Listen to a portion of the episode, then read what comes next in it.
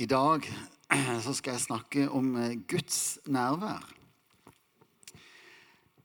Eh, når vi starta denne menigheten for eh, ti år siden, så snakket vi ofte om det at, at det eneste som kunne bære en sånn menighetsplanting, var et sterkt gudsnærvær.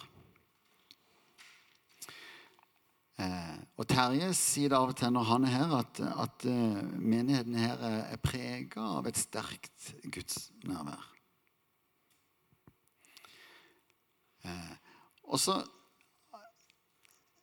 ja, eh, er det, er det sånn ordbruk som vi bruker. ikke sant? Og i dag var det et sterkt gudsnærvær på menigheten ikke sant? I, på gudstjenesten.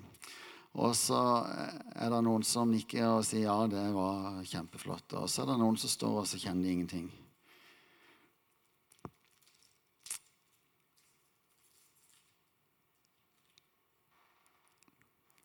Dette har jeg lyst til å sette litt ord på i dag.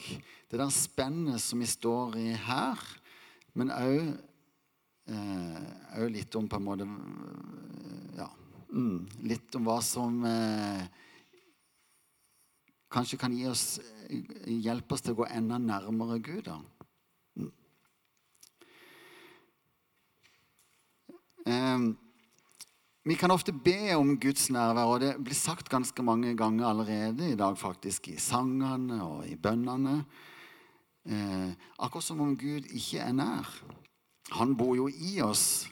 Når vi tar imot Jesus som Herre og Frelser, da flytter jo Jesus inn. Han bor i oss. Kan han bli mer nær enn det?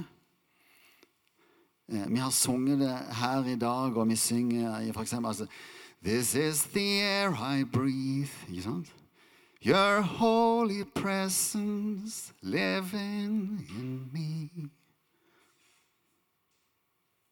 Kan Gud bli nærmere enn det?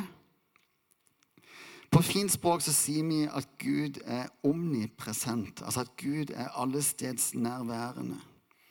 Gud er i alle veier.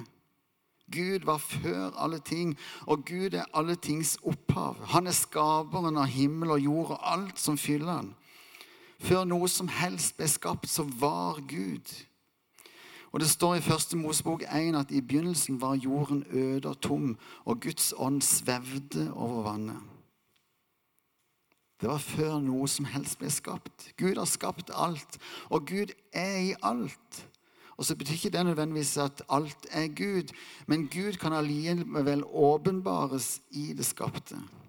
Derfor er det mange som, som møter Gud, kjenner på et sterkest gudsnærvær kanskje ute i naturen, ute i skauen, i fjellet. I at Gud, De møter Gud i bølgene eller i vinden eller Gud er allestedsnærværende. Og David sier i Salme 139.: Hvor skulle jeg gå fra din pust? Hvor kunne jeg flykte fra ditt ansikt? Stiger jeg opp til himmelen, er du der? Og far jeg ned i dødsriket, er du der? Og tar jeg soloppgangens svinger og slår meg ned der havet ender?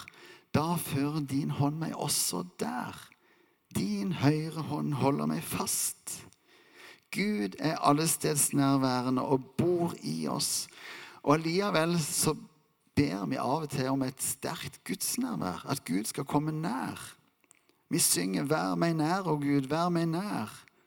Og vi siterer misjonsbefalingen som avslutter med at 'Å se, jeg er med dere alle dager inn til verdens ende'. Og allikevel så ber vi Gud om å være med oss. Han har jo lovt det.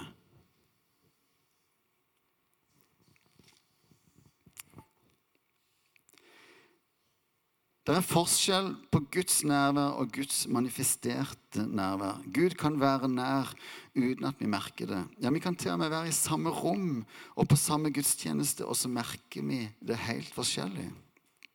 Hvorfor er det sånn? Og så, Jeg har strevd litt med dette, for hvordan ordlegger jeg meg oppi dette uten at det fører til fordømmelse og til kortkommenhet? Eh, men jeg, jeg, tenker at uh, dette er en ordbruk som, som, preger mange av samlingene våre. egentlig. Og Derfor hadde jeg litt lyst til å sette ord på noen av disse her tingene. her.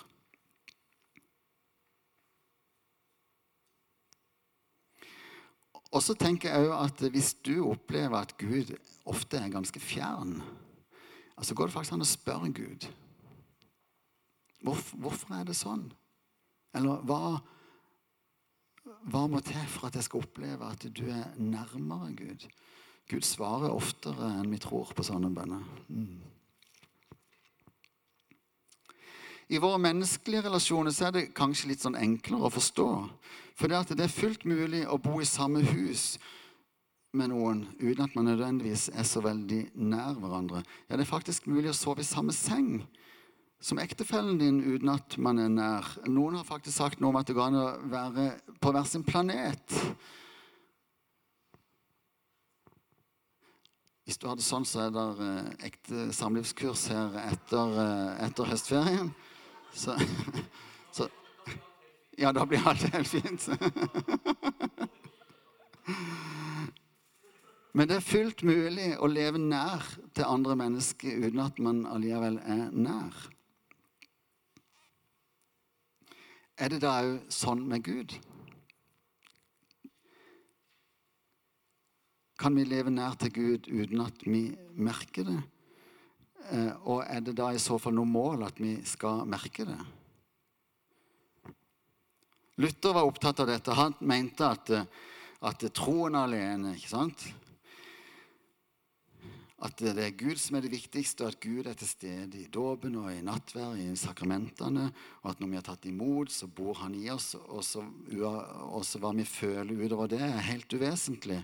Og det er egentlig helt riktig. ikke sant? Gud, Gud gjør sitt verk helt uavhengig av hva jeg måtte føle og tro, tro om det. på et vis, ikke sant? Når jeg har tatt imot Jesus som Herre og Frelser, så har han, så har han dødd på korset for meg. Eh, og når jeg har tatt imot det, så er jeg frelst. Uavhengig av hva jeg føler for noe.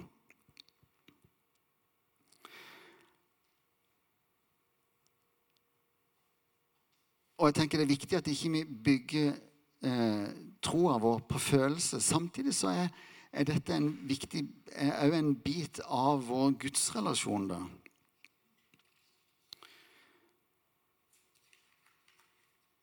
Eh, og så tenker jeg at det er viktig at vår, vårt kristenliv ikke blir en sånn jag etter åndelig opplevelse.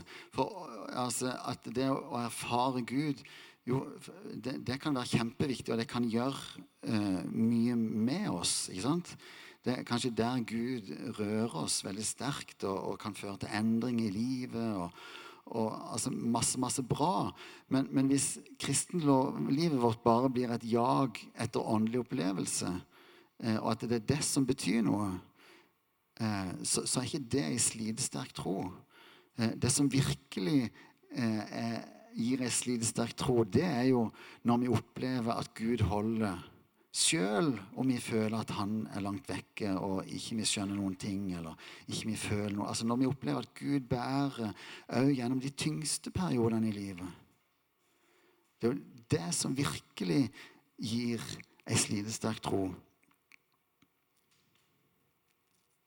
Og Peter han skriver i 1. Peter at vi kan juble når gleden vår vi kan juble av glede når troen blir prøvet, for da blir den sterk. Selv forgyngelig gull blir prøvet i ild. Før så tenkte jeg egentlig at, at, eh, at troa blir prøvet, da tenkte jeg på forfølgelse og sånne ting. Eh, men etter hvert så har jeg skjønt at, at livet er kanskje den største prøvelsen på troa vår. At Gud tåler hele livet vårt, òg de tyngste og vanskeligste periodene våre de der mørkeste krokene våre.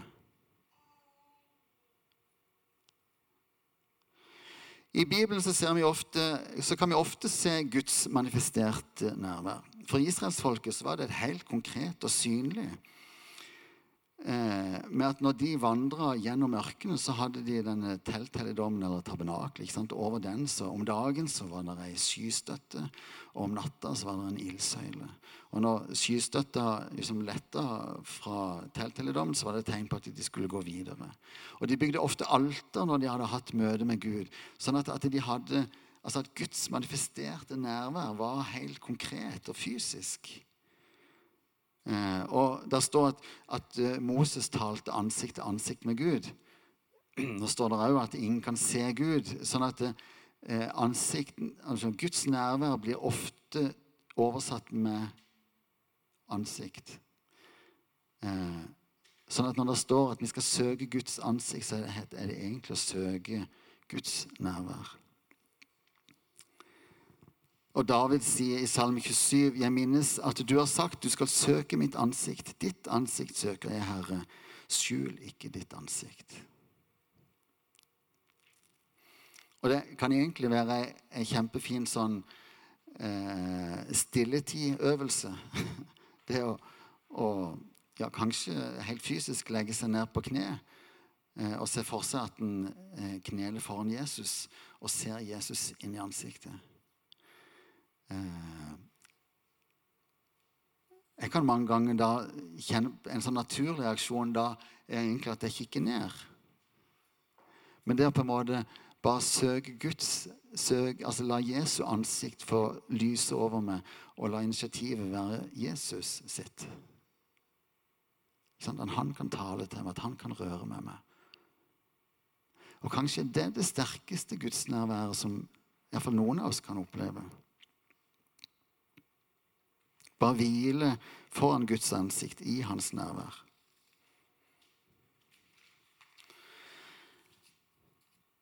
Men dere, Gud er allestedsnærværende. Gud er nær. Gud bor i oss. Og allikevel så opplever vi at Gud manifesterer sitt nærvær noen ganger tydeligere enn andre. Og vi ber Gud komme nær. Hva er greia? For det første så tenker jeg at det skjedde et skifte når Jesus døde på korset. Før Jesus så var det eh, profetene, altså Gud talte gjennom profetene. Gud utvalgte noen spesielle mennesker til å være talerør for Gud. Etter hvert så fikk de tempelet, og Gud bodde i tempelet. Og, og det var inni det aller helligste, hvor paktkista var. Der, der var jo som gudsnerv så sterkt at der var det kun ypperstepresten som en gang i året kunne gå inn. Eh, og til og med når han gikk inn, så hadde de et tau rundt ankelen, så de kunne dra han ut igjen hvis det skjedde noe der inne. For gudsnærvær var så sterkt at de regnet det som eh, Det var ikke en selvfølge at den overlevde Guds nærvær, rett og slett. Når Jesus døde, så skjedde det et skifte. Når Jesus døde, så rakna forhenget. Ikke først og fremst for at vi skulle få lov til å gå inn i det aller helligste, men fordi at Gud kom ut. Det ble som et symbol på at Gud kom ut. Og da var det tempelet som var Guds bolig. Nå er det vi som er Guds tempel og Gud bor i oss. Vi har alle, alle som tror, har fått Den hellige ånd, og Gud bor i oss. Og vi er Guds tempel, og Gud bor i oss. Marianne Braseth snakket om det her sist hun var her. At eh, når Gud skapte kvinnen, så tok han et ribbein av mannen. ikke sant? Og at ribbein òg kunne oversettes med tempel. Det var nytt for meg. Jeg syns det var fint. Vi er Guds tempel.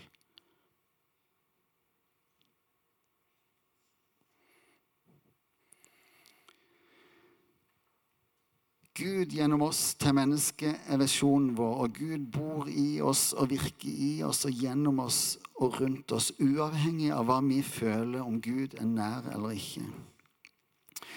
Men hvorfor er det allikevel mulig for et ektepar å leve på hver sin planet?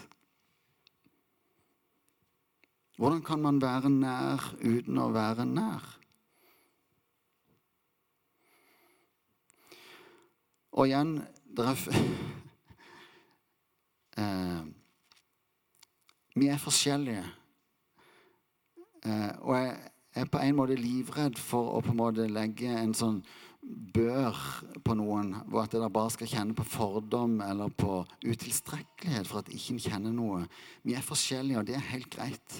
Og jeg tenker Vi og Ingfrid er kanskje et sånn kjempegodt eksempel på det.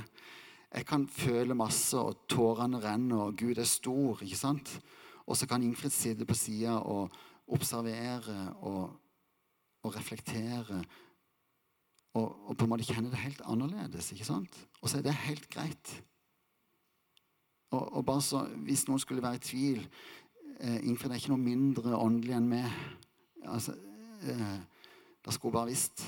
Altså, eh, jeg kan kanskje se from ut, men ikke vel? Altså Det er, ikke, det er helt greit.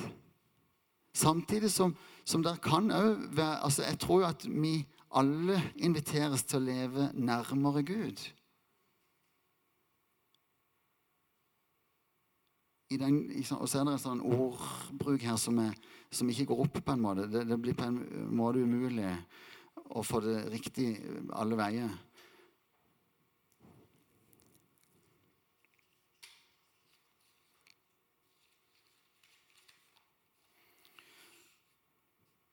For selv om vi er forskjellige, så kan det være ting. Altså Synd, for eksempel, synd skaper skille mellom oss og Gud. Og Det er så ekstremt viktig for oss at vi klarer å forstå at synd skaper skille, ja. Men, men, det, men uoppgjort synd skaper skille. Oppgjort synd gjør ikke det. Jesus døde på korset for våre synder, og han står med åpne armer og venter på at vi skal komme til han med våre feil og mangler. Jesus er sannhet, og all sannhet er kontaktflate med Gud. Når vi snakker sant til Gud, da er det kontaktflate med Gud. Når vi bekjenner vår synd til Gud, da er det kontaktflate med Gud. Når vi er ærlige med Gud om hvordan vi har det, da er det kontaktflate med Gud. Og jeg syns jo David i, i, i, Bibelen er på en måte kanskje et av de beste eksemplene på dette. Han som blir omtalt som en, en mann etter Guds hjerte. Eh, det var jo ikke fordi at han var så fantastisk en mann nødvendigvis, at han ble omtalt som en mann etter Guds hjerte. Det var jo fordi at han levde så nært Gud.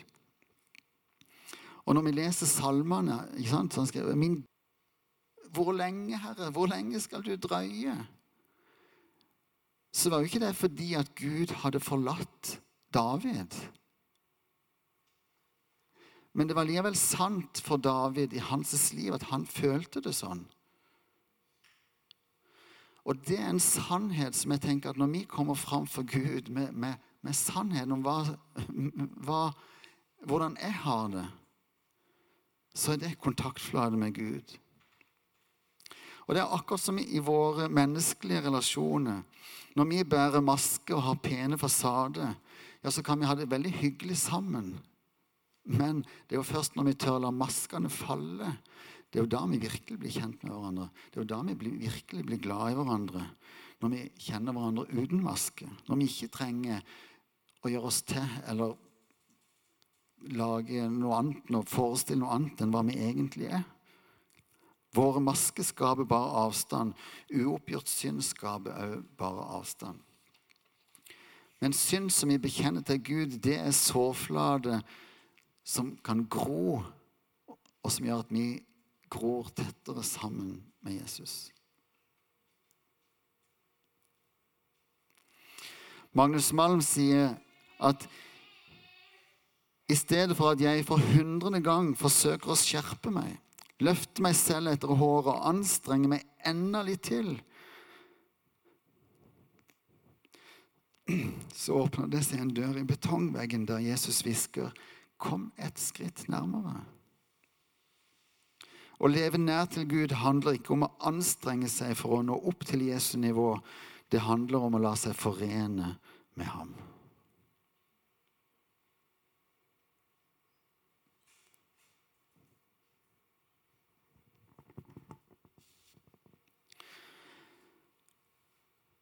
En annen ting som jeg har lyst til å trekke fram i dag, det er det faktum at vi ofte ikke tar inn over oss realiteten av at vi er Guds barn. Vi er sønner og døtre av den levende, allmektige Gud. Vi er ikke lenger slave eller tjenere, vi er barn. Det er ganske stor forskjell på oppførselen til en tjener og en sønn. Begge to kan leve ganske nær sin herre eller far. Men det er en fundamental forskjell. Hele utgangspunktet for relasjonen er forskjellig. Og Paulus skriver i Galaterne 4.: Derfor er du ikke lenger slave, men sønn. Og er du sønn, er du også arving. Vi er sønner og døtre av en levende Gud. Vi er arvinger av Guds rike. Tone var inne på det i innledninga her. Vi er borgere av Guds rike, og Guds rike det er her og nå. De fleste av oss kjenner godt historien om den bortkomne sønnen. Han som eh, spurte far sin om han kunne få eh, sin del av arven, og gjorde det. Og reiste bort og sløste vekk alt sammen i sus og dus. Og ender opp som en grisepasser, og som til slutt kommer hjem der, hvor faren møter han med åpne armer. Eh, og så har du den hjemmeværende sønnen, jeg skal, jeg skal lese der fra eh, Lukas 15, vers 25. Imens var den eldste sønnen ute på marken.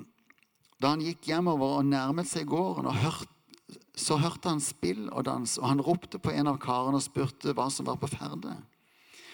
Din bror er kommet hjem, svarte han, og din far har slaktet gjøkalven fordi han har fått ham tilbake i god behold.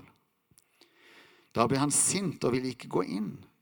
Faren kom ut og prøvde å overtale ham, men han svarte faren, her har jeg tjent deg i alle år, og aldri har jeg gjort imot ditt bud. Men meg har du ikke engang gitt et kje, så jeg kunne holde fest med vennene mine.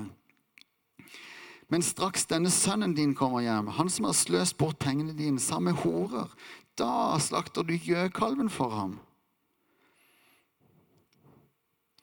Faren sa til ham, barnet mitt, du er alltid hos meg, og alt mitt er ditt. Men nå må vi holde fest og være glade, for denne broren din var død og er blitt levende. Han, er kommet bort, han var kommet bort og er funnet igjen.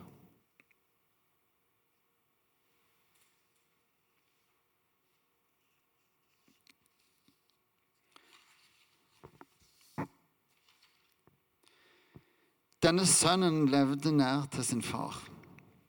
Han som var hjemmeværende. Han hadde aldri reist bort. aldri han, han hadde alltid, alltid, vært snill gutt og gjort akkurat det som var forventa han. Jeg er sikker på at de spiste sammen, og de drakk, de jobbet, de hvilte. De hadde arbeidsdag og festdager. De hadde gode dager og slitsomme dager. Og Allikevel så hadde ikke den hjemmeværende sønnen forstått hva det innebar å være sønn. Han var nær, men allikevel ikke nær. Og det selv om jeg er ganske sikker på at han var ganske bevisst sin, sin rolle som sønn. Jeg mener, Faren hadde jo til og med delt arven mellom han og broren. Broren hadde fått sitt, og resten var jo hans.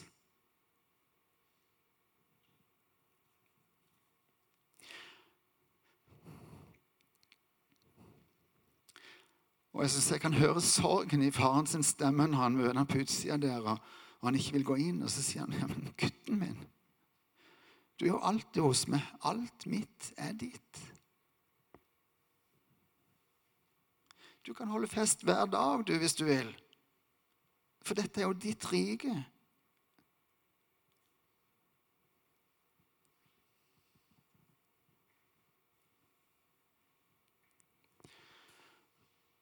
Å se seg sjøl som barn kan ofte være vanskelig. Vi har en tendens til å, å distansere oss. Jeg vet ikke om det er for nært, eller om det er altså, Slave Nei, ok, vi er ikke der. Vi lever jo tross alt under nåden. ikke sant? Vi ser ikke på oss sjøl som slave. Men sønn er litt voldsomt. Iallfall når vi begynner å snakke om kongssønn og kongsdøtre.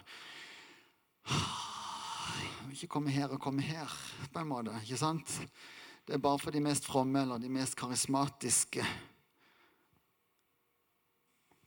Jeg tenker Vi kan ofte se på oss sjøl som servitører i Guds rike. Vi er i tjeneste for Gud.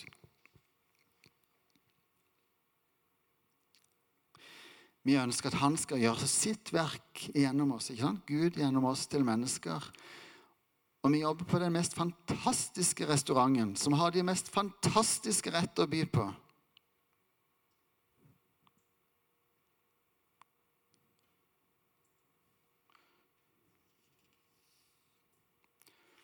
Er vi servitører i Guds rike, dere?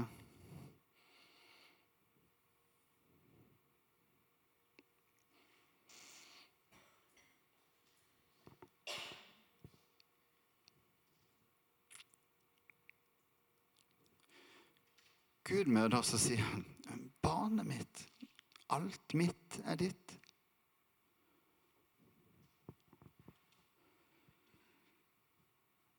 Vi er ikke verken slave eller servitør i Guds rike. Vi er barn.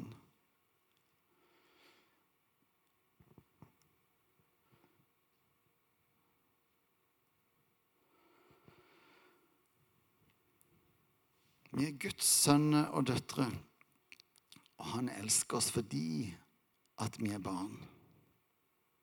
Vi kan leve hele livene våre sammen med han uten å forestille oss noe som helst.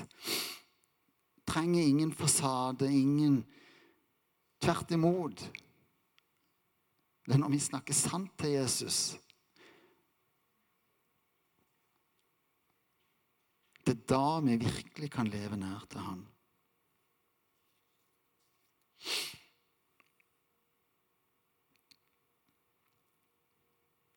Gud tåler hele livene våre.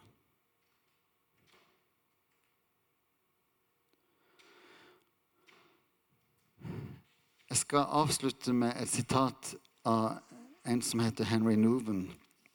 Eller Noven, eller ikke sikker på hvordan uttaler det. Han har skrevet en fantastisk bok som heter uh, 'Den bortkomne sønn vender hjem'. Kan absolutt anbefales. Og I den så skriver han Spørsmålet er ikke 'hvordan skal jeg finne Gud', men 'hvordan skal jeg la meg bli funnet av Gud'? Spørsmålet er ikke 'hvordan skal jeg kjenne Gud', men 'hvordan skal jeg gi meg til kjenne for Gud'? Spørsmålet er ikke 'hvordan skal jeg elske Gud', men 'hvordan skal jeg la meg elske av Gud'? Gud skuer etter meg i det fjerne og lengter etter å føre meg hjem. Og som jeg føyer til at Spørsmålet er ikke 'hvordan skal jeg komme nær Gud', men 'hvordan skal jeg la Gud komme nær til meg'?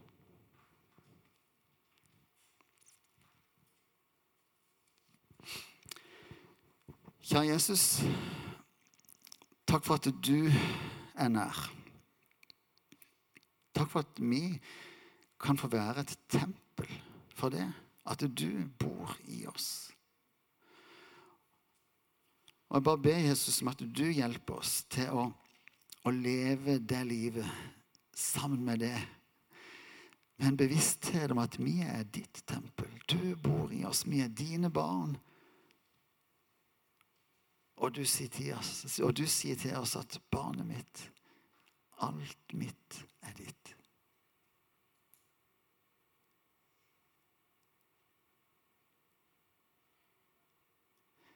Takk for at du er nær.